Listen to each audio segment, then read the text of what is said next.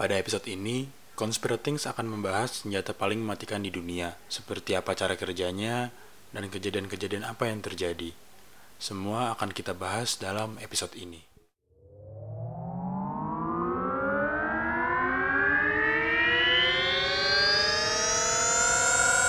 Conspiracy Things.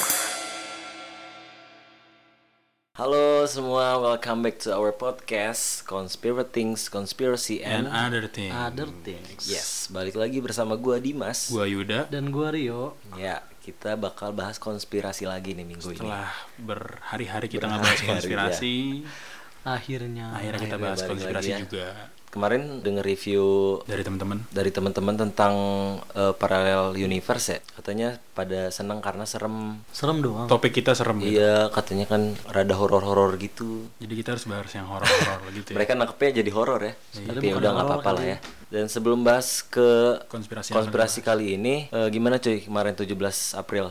Nyoblos nggak lu pada? nyoblos sih karena gua cinta dengan demokrasi ini. Sedang. Nyoblos sih. Emang cinta demokrasi itu harus nyoblos ya? karena gue percaya hak suara gue tuh berguna Sedap. buat dunia eh buat dunia buat Indonesia Iya, iya. nah pertanyaan gue lu nyoblos nggak Kalau gua Ha-ha. adalah adalah waktu untuk nyoblos ya iya. nah, Twitter kan rame banget tuh kemarin gara-gara setelah quick account itu quick account Eh, Quick count. Quick count ya, quick count Iya. itu jadi rame karena ada salah satu kubu mendeklarasikan kemenangan dan kubu satunya nahan-nahan. nah diri belum pede kali ya Menurut lu nih berdua Iya kenapa ada nggak hubungannya antara kontestasi politik kita sama konspirasi kita yang bakal kita bahas? Politik dengan konspirasi. ada sih biasanya Bisa kan ada ya jadi. konspirasi politik Kan ada gitu tuh. iya banyak kayak gitu. Nah, bukan itu cuy. Jadi Aduh, terus jadi gimana Jadi hubungannya itu gini, menurut gua ya, kita kan bakal bahas harp nih. Harp itu kan bisa mempengaruhi pikiran manusia. Nah, antara kubu A sama kubu B ini bisa nih sebenarnya pakai harp ini.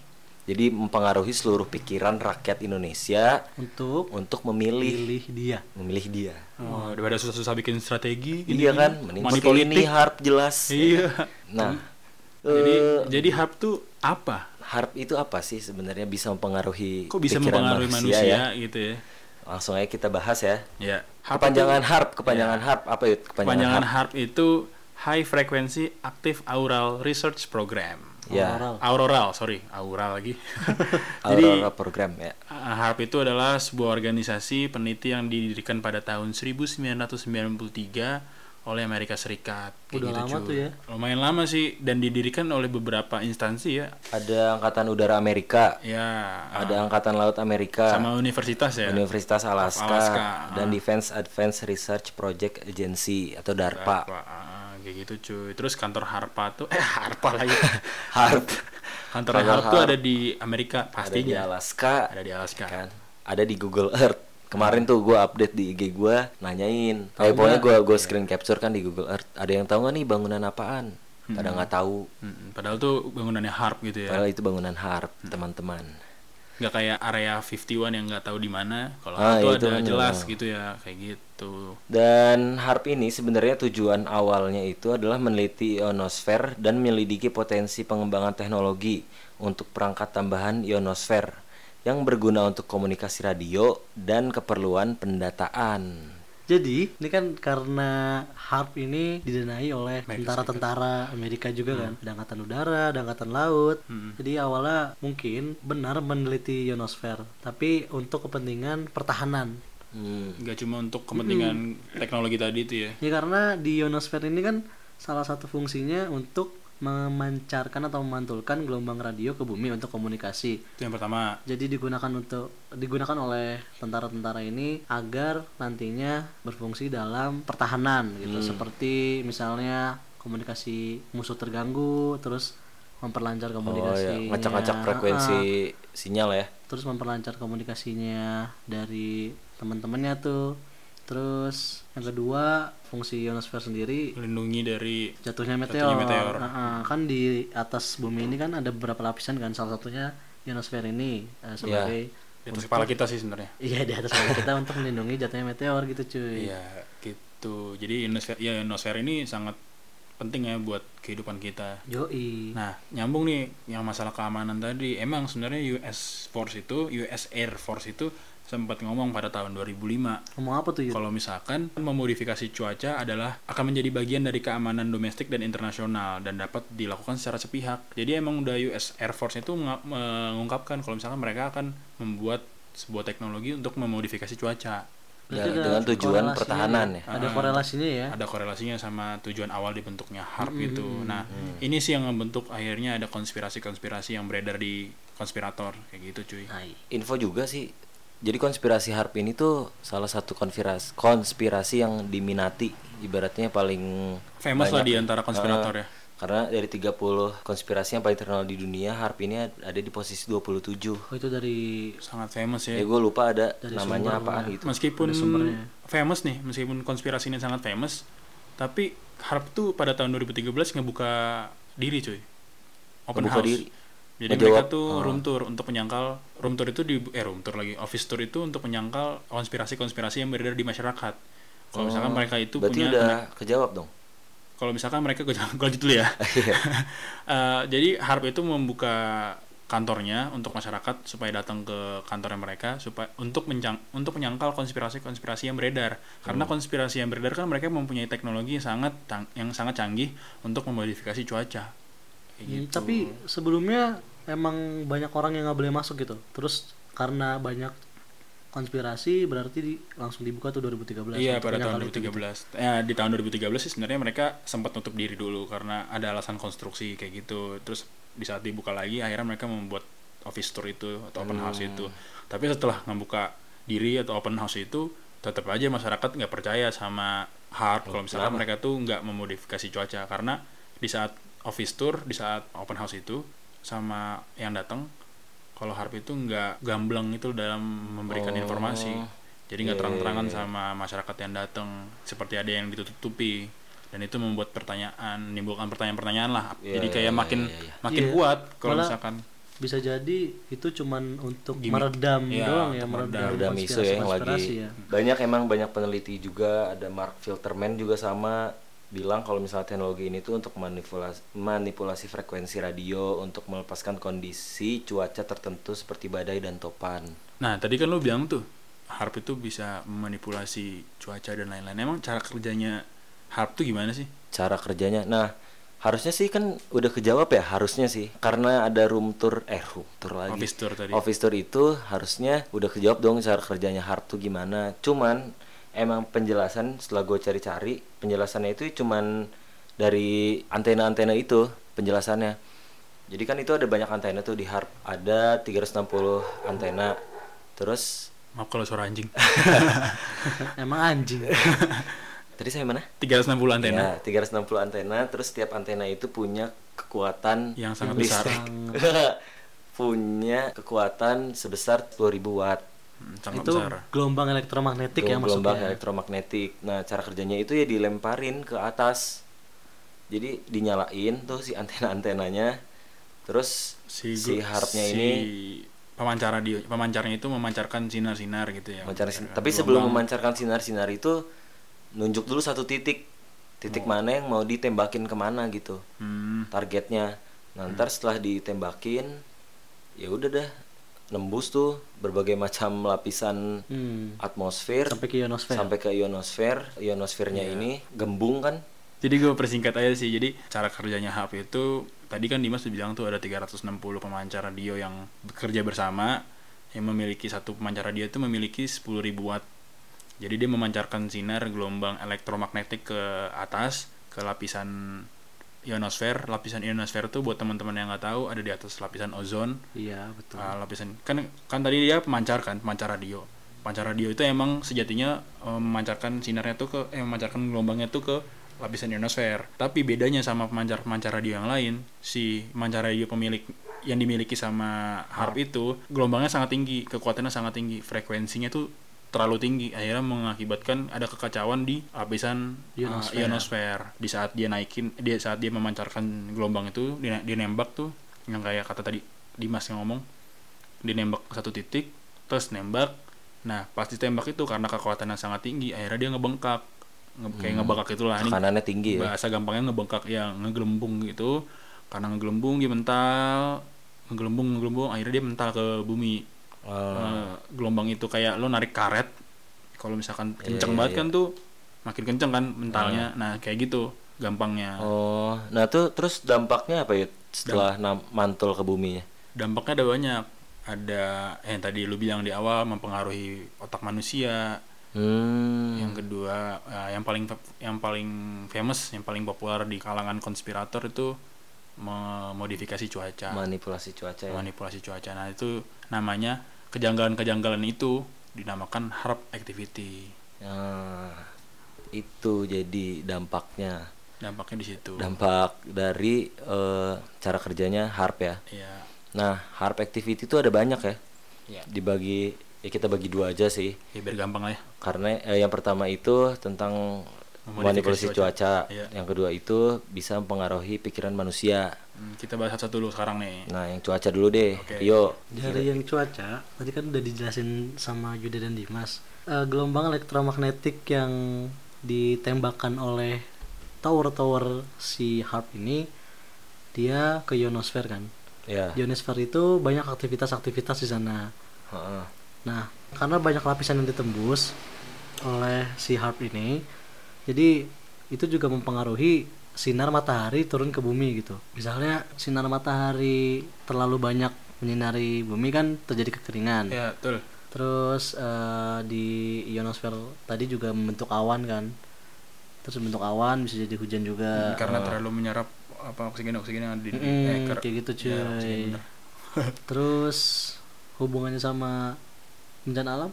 hubungan sama bencana alam karena itu karena gelombang Yang elektro- Mantul ya? ya mantul yang terlalu kenceng jadinya akhirnya eh, bencana ya. dataran-dataran ini bergerak kayak gitu cuy Bencana Akhirnya tuh kan banyak ya.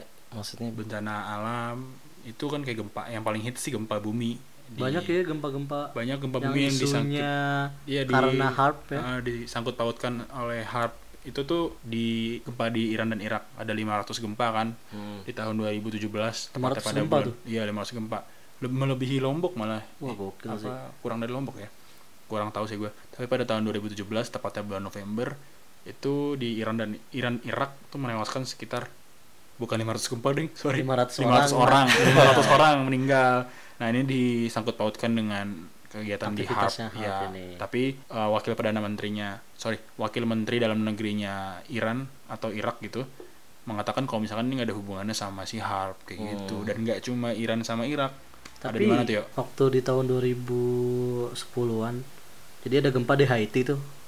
Ke- Kekuatannya lumayan kenceng nih. ah, 7 skala Richter. Korban korbannya juga tsunami lebih kan banyak. ya? Tsunami kan.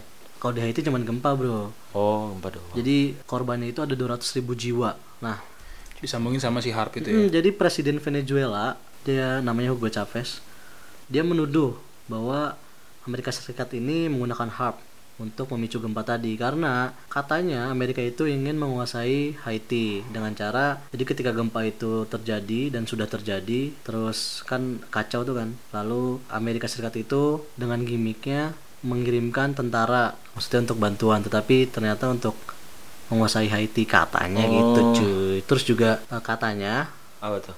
bencana-bencana lain nih seperti di Jepang tsunami 2011 Yes, Jepang sering banget tsunami cuy iya terus buat gempa juga di Indonesia dulu tuh di Aceh katanya juga gara-gara harp tapi kan kalau harp mungkin ada eh kalau di Aceh mungkin ada yang tahu Kalau di Aceh, gue pernah baca artikelnya tentang gempa Aceh, hubungannya sama harp itu sebenarnya nggak ada hubungannya, maksudnya Udah disangkal nggak lah. masuk akal.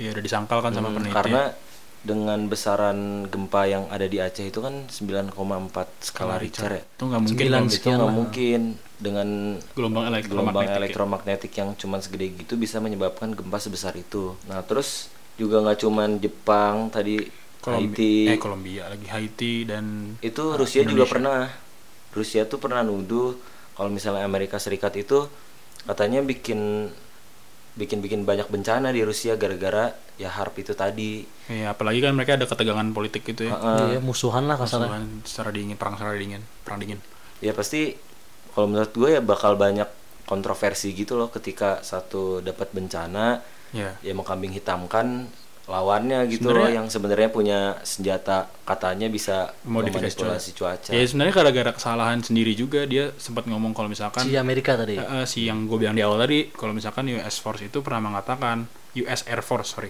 pernah mengatakan modifikasi cuaca akan menjadi bagian dari keamanan domestik dan internasional itu kan Iya. dari omongan mereka sendiri kan akhirnya banyaklah tuh yang menganggap kalau misalkan bener nih US Air Force ini udah ngebentuk HARP untuk modifikasi cuaca Hmm. karena kan pada tahun 93 yang membentuk HARP itu adalah US Air Force, US Navy, University of Alaska sama DARPA, DARPA, tadi kan. iya. Nah, akhirnya disangkut pautin lah karena si US Air Force ini pernah ngomong kayak gitu. itu juga sebenarnya karena si Amerika ngomong kayak gitu tadi itu dijadikan kesempatan buat Rusia untuk menggoyangkan Iya. Iya stabilitasnya sih, di benar-benar, Amerika benar. Iya, sendiri jadi Jadi kan kambing hitam kan negara lain nganggapnya terus. wah ini Amerika ada apa-apa nih sama kita Hmm. nih gitu cuy kalau misalkan mereka nggak ngomong sih ya nggak bakalan Fine-fine dikambing aja. hitam fan aja ya sebenarnya sih lu ada tambahan gak untuk memodifikasi cuaca Ini sih badai-badai banyak terjadi pasti berlalu iya apa cewek badai di Cina nih.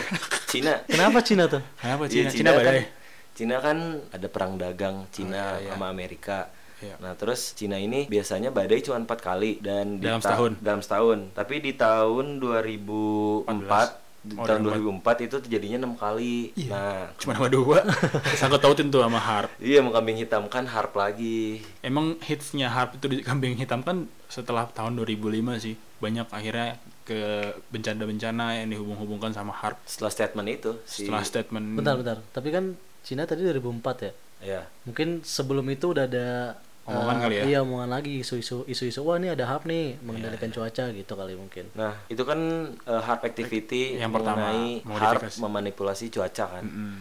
Nah, sekarang hard activity yang dimana harp ini sebenarnya bisa mempengaruhi pikiran manusia yang tadi gue bilang tuh yang pertama gimana tuh caranya dim ya itu tadi jadi harp activity itu bisa mempengaruhi pikiran manusia untuk nyoblos a misalnya gitu kan Iya. Eh, sebenarnya bisa dipakai nggak sih emang iya ya ya, bisa lah kan di sini katanya mempengaruhi Iya bisa mempengaruhi pikiran otak manusia. perilaku manusia sih katanya kayak gitu tapi kayaknya nggak ribet nggak sampai banget. menggerakkan nggak kayak sampai gitu menggerakkan lah. Ya. Jadi gimana sebenarnya gimana jadi mengendalikan sebenarnya pikiran Jadi sebenarnya tuh katanya ya, ini baru katanya gua sih. Kalau misalkan harp itu memiliki gelombang frekuensi yang sangat rendah, teknologi untuk memancarkan gelombang frekuensi yang sangat rendah atau disebut VLF, very low frequency. Nah, ini kan sangat susah, katanya sangat susah untuk memancarkan gelombang radio yang sangat gelombang elektromagnetik yang sangat rendah, frekuensi yang sangat rendah ya. Karena emang frekuensi otak manusia itu kan rendah, sehingga akhirnya cuma gelombang eh, rendah gelombang rendah ini yang bisa mempengaruhi otak manusia kayak gitu cuy pengaruhnya seperti apa tuh Yud? mempengaruhinya sih katanya bisa mem- menjangkau dan mengubah perilaku manusia sih mungkin kayak gila atau kayak gitu oh sih jadi negatif ya bentuknya gitu bisa jadi yang dihasilkan belum ada penjelasan-penjelasan yang sangat detail sih tentang mempengaruhi manusia ini mungkin lo ada nggak dim kalau yang dari gua sih ya itu tadi gue mikirnya malah mempengaruhi perilaku manusia tuh Untuk eh, melakukan melakukan pikiran sesuatu. manusia tuh untuk melakukan sesuatu gitu Hmm, tapi- ternyata ya nggak ya mungkin ya ya karena tapi emang awalnya tuh si ya teknologi ini teknologi untuk mempengaruhi manusia itu awalnya isunya untuk menyerang manusia untuk Hmm. mengu- membunuh membunuh secara pelan manusia ini kan juga sebagai senjata kan ya mungkin ya karena sebagai- tujuannya untuk, Ya, untuk membunuh mem- manusia lewat Ya, betul. HP ini Heeh. kan beredar juga tuh teori world depopulation dan disangkut pautkan dengan harp mungkin Iya. nih hubungannya sama si mempengaruhi perilaku manusia kayak gitu cuy iya, oh jadi berkurang gitu ya populasi apa ya gimana berkurang gitu kan karena untuk menyerang warga man- menyerang manusia secara pelan-pelan melalui telepati katanya sih gitu waduh bahaya tuh sedap banget ya lewat Iya. itu telepati jadi senjata mematikan tapi tidak terlihat cuy Iya. senjata matikan secara pelan-pelan Iya dan kan tidak kalau terlihat kalau kayak bom sama aja dong. Kan kalau kayak bom atom Iya, bom terus nuklir. perang segala macam kan pakai tembakan tuh. Kalau ini kan nggak kelihatan nih kan. iya iya iya Lebih kelihatan. bahaya sih. ini menyiksa memang. banget sih iya, Iya, ini senjata. secara pelan ya Mm-mm. kalau misalkan yang di Jepang eh di Jepang yang di ya bener di Jepang kan yang bom atom Hmm. tuh langsung tuh Duh, kalau Iya. ini ada tahap-tahapnya dulu kayak kekeringan dulu manusia Ah, kelaparan kelaparan dulu ya. iya manusia jadi gila dulu akhirnya dia bunuh diri baru mati Iya. anjing pahit banget sih kayak gitu nah tapi harp ini menyangkal menyangkal harp activity yang kedua ini yang isu yang beredar tentang kalau misalkan mereka bisa mempengaruhi perila- mempengaruhi otak manusia harp itu menyangkal karena mereka mengatakan nggak mungkin nih gue mempunyai teknologi untuk memancarkan VLF ini Mhm.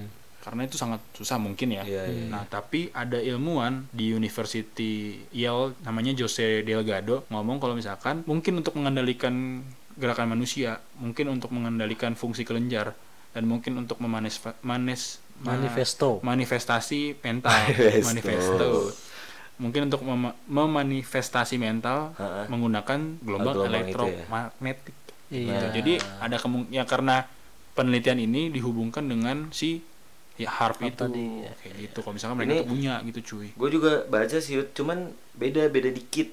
beda dikit kenapa tuh Ini eh, dengan mengirimkan extremely low frequency Oh. ELF. E- L Kalau tadi kan lu- Oh, FELF gitu ya extremely Kalau Oh, dia low, kalau lu lebih ekstrim low. Iya, gue extreme low. Ekstrim parah. extreme, extreme abis gitu ya Ke otak manusia, jadi harp bisa mengontrol mood manusia karena pada dasarnya otak besar manusia bekerja. Aduh ini udah eh, fisika-fisika gitulah. Intinya ya mungkin ini ngedukung teori yang tadi juga tuh. yang si dari Jose Delgado ini ya Iya. yang dari University Yale tuh Bisa jadi. iya Ya, banyak sih banyak anggapan kalau misalnya harp itu bisa Mengendalikan. mempengaruhi eh memanipulasi cuaca dan satu lagi bisa mempengaruhi otak manusia. iya banyak emang peneliti yang ngomong kalau misalkan bisa mempengaruhi otak manusia dengan gelombang elektroma- elektromagnetik Magnetik.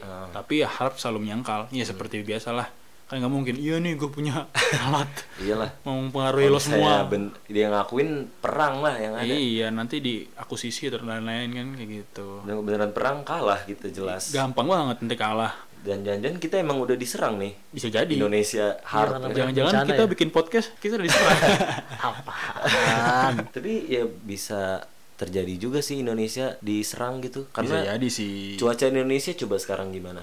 Iya Udah sih, nggak nggak- jelas. kan? Bukan nggak cuma di beraturan. Indonesia sih, Ya, di dunia. seluruh dunia itu kan global warming kan. siapa tahu kan- gara-gara nah global warming itu disangkut pautkan dengan harp karena Siapa tahun tahu ya, 93 siapa kan belum tahu hits ya. tuh global Nah. warming Iya. iya banyak sih bukti-bukti dari memodifikasi cuaca kayak di mana tuh di banyak yang suara-suara ada Meksiko tuh ada. di Meksiko ya suara-suara Suara aneh keluar dari suara aneh langit. keluar dari Iya. langit yang kayak itu suara pernah viral tuh sangkakala. berapa tahun yang lalu? Hah? Hmm, sem- di Berlin juga ada kalau nggak salah Hmm. sama ada di daerah mana gue nggak hafal kalau misalkan ada awan yang ngu- yang ngumpul jadi satu Hmm. ngumpul benar-benar ngumpul kayak satunya tuh nggak ada awan dan awannya cuma kumpul di tempat itu doang udah nggak ada awan lagi sih di tempat yang lain Ah. Oh, Ngumpul lagi nongkrong ya. Ngumpul. Iya. Saya lu yo yo. nah kan tadi kita udah ngebahas hub activity nih Tapi Yud, gue mau sharing dulu bentar Yud sebelum masuk. Ini percaya apa enggak ya lu berdua atau enggak lo yang ngedengar semua? Dulu kan gue tinggal di Cimahi. Nah terus dulu gue di Cimahi sekarang eh serius serius ini ini beneran ini beneran. Iya, iya, Sumpah, percaya demi- gua. Demi. terus Demi terus apa? Jadi gue lagi mandi. Mm-mm. Terus beres mandi gue main dong sama temen-temen gue. Gue keluar gue masih SD waktu itu. Iya, Main- iya. Main apaan? Main apaan? Nah terus di belakang di belakang rumah gue tuh kebun kebun-kebunan gitu luas banget. Iya, terus ada sutet sutet dua lah gitu. Nah terus tiba-tiba pas gue lagi main bola nih ada ledakan eh bukan ledakan sih kayak Suara dentuman. hah suara dentuman Kelas anjir. warna kuning di mana di atas si sutep itu di belakang rumah gue hampir ke atas hampir ke atas langit pas di pertanyaan atas gua. pertanyaan gue nih hubungannya tadi lu jelasin sutet apaan ya mungkin siapa tahu lu Oh, bisa memancarkan ke sutet Iya, ya. siapa tahu lu berdua bisa menganalisis kalau dentuman itu dari sutet. Sutet. Eh, dentumannya gimana? Kayak Maksudnya gini kayak tem. oh Tapi ada ada terus bentuknya udah gitu. lagi. Ada bentuknya gitu. Apa Ya. cuman suara Ih, doang? Eh, tapi suaranya mirip Warna ya. kuning, warna kuning gitu. Iya itu suaranya mirip sama yang Hmm. di viral itu Suaranya kayak gitu kan Jangan-jangan Hmm ada towernya harp di dekat rumahnya Dimas. Iya, nggak tahu ya, tapi sumpah-sumpah ini beneran kejadian. Iya percaya gue. Percaya gue percaya kok. Takutnya gue, Dikira takutnya orang bohong. denger nggak ada ngada kan karena Iya, gue iya. lagi bahas ini. Tapi Hmm. beneran ini, it's real. Kelas. Nah kan tadi kita udah ngebahas tuh harp itu apa Kita udah ngebahas harp activity Si Dimas juga tadi udah jelasin panjang Rio udah jelasin panjang Nah kita tuh mau jelasin nih sebenarnya Kenapa sih harp itu berdiri gitu loh Ah, Emang gelombang elektromagnetik itu bener bisa memodifikasi cuaca ya, Nah itu hubungannya sama Nikola Tesla bro di kelas Jadi- Tesla yang bikin mobil listrik. Bukan itu Nikola Saputra. Iya Nikola Saputra yang viral kemarin bukan bukan jadi Nikola Tesla itu yang meneliti tentang gelombang elektromag Iya. elektromagnetik Hmm. nah dia yang memanfaatkan gelombang elektromag eh gue belibet gue udah ngomong Elektromagnetik. elektromagnetik ya gelombang itu untuk mancar radio dan lain-lain Iya. kayak gitu nah Terus? si Nikola Tesla ini pernah ngasih statement kalau misalkan gelombang elektromagnetik Gelombang elektromagnetik itu bisa memodifikasi cuaca. Nah, Uh, jadi dia dari situ akhir- Ya, dia ngasih statement akhirnya dia membuat suatu program untuk meneliti hal tersebut, tapi pemerintah Amerika saat itu menyetop program itu karena mungkin ada satu hal satu dan lain hal Hmm. diberitakan kalau misalkan pemerintah menyetop memberhentikan program, tapi masih banyak masyarakat yang menganggap kalau misalkan itu nggak diberhentikan. buktinya ada harp sekarang Buktinya, Iya. nah buktinya ada harap kayak gitu. Berarti ini sih- Jadi dijalan tetap dijalankan tapi secara rahasia kayak gitu cuy. Hmm, Si Tesla ini tuh berarti pentolannya awalnya. Waduh, sedap pentolan. Dia dia founding fathers dia palanya lah, Founding dia fathers, palanya iya. akhirnya ngebuat si apa ya ada harp inilah Oh, kayak gitu iya. cuy. ya tapi Atuh. Iya, tapi ini banyak ahli yang mengatakan bahwa teori-teori konspirasi itu yang mengenai HARP dibantah gitu loh cuy. Jadi contohnya nih ya, namanya Bapak Umron Inan. Dia da- dosen dari Universitas Stanford. Asik. Dia ngomong kalau sebenarnya HARP itu nggak sama sekali ganggu sistem cuaca di bumi. Maksudnya gini, jadi tenaga yang ditembakkan oleh HARP itu ternyata nggak nggak nggak mem- nggak mempengaruhi terhadap cuaca di bumi, cuy. Terus jadi ada orang lain bilang, tapi kenapa si HP ini selalu ditutup-tutupi gitu loh? Mungkin muncullah teori konspirasi. Oh gitu ya. Jadi banyak peneliti yang bilang kalau misalkan harp itu mengganggu cuaca, ada juga yang bilang kalau misalkan nggak mengganggu Nggak cuaca. nggak peng- nggak berpengaruh. Hmm. Nah itu balik lagi sama lu semua ya. Mau percaya apa enggak? Kalau lu percaya boleh lu komen di IG. IG doang. Kan kita punya SoundCloud. Ya boleh dimanapun. ya balik lagi. Lu percaya apa enggak?